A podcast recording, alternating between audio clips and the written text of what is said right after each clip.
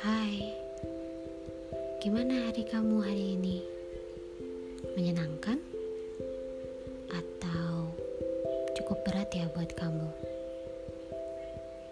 Hmm, gak apa-apa. Yuk, sini kita bicarain dari hati ke hati.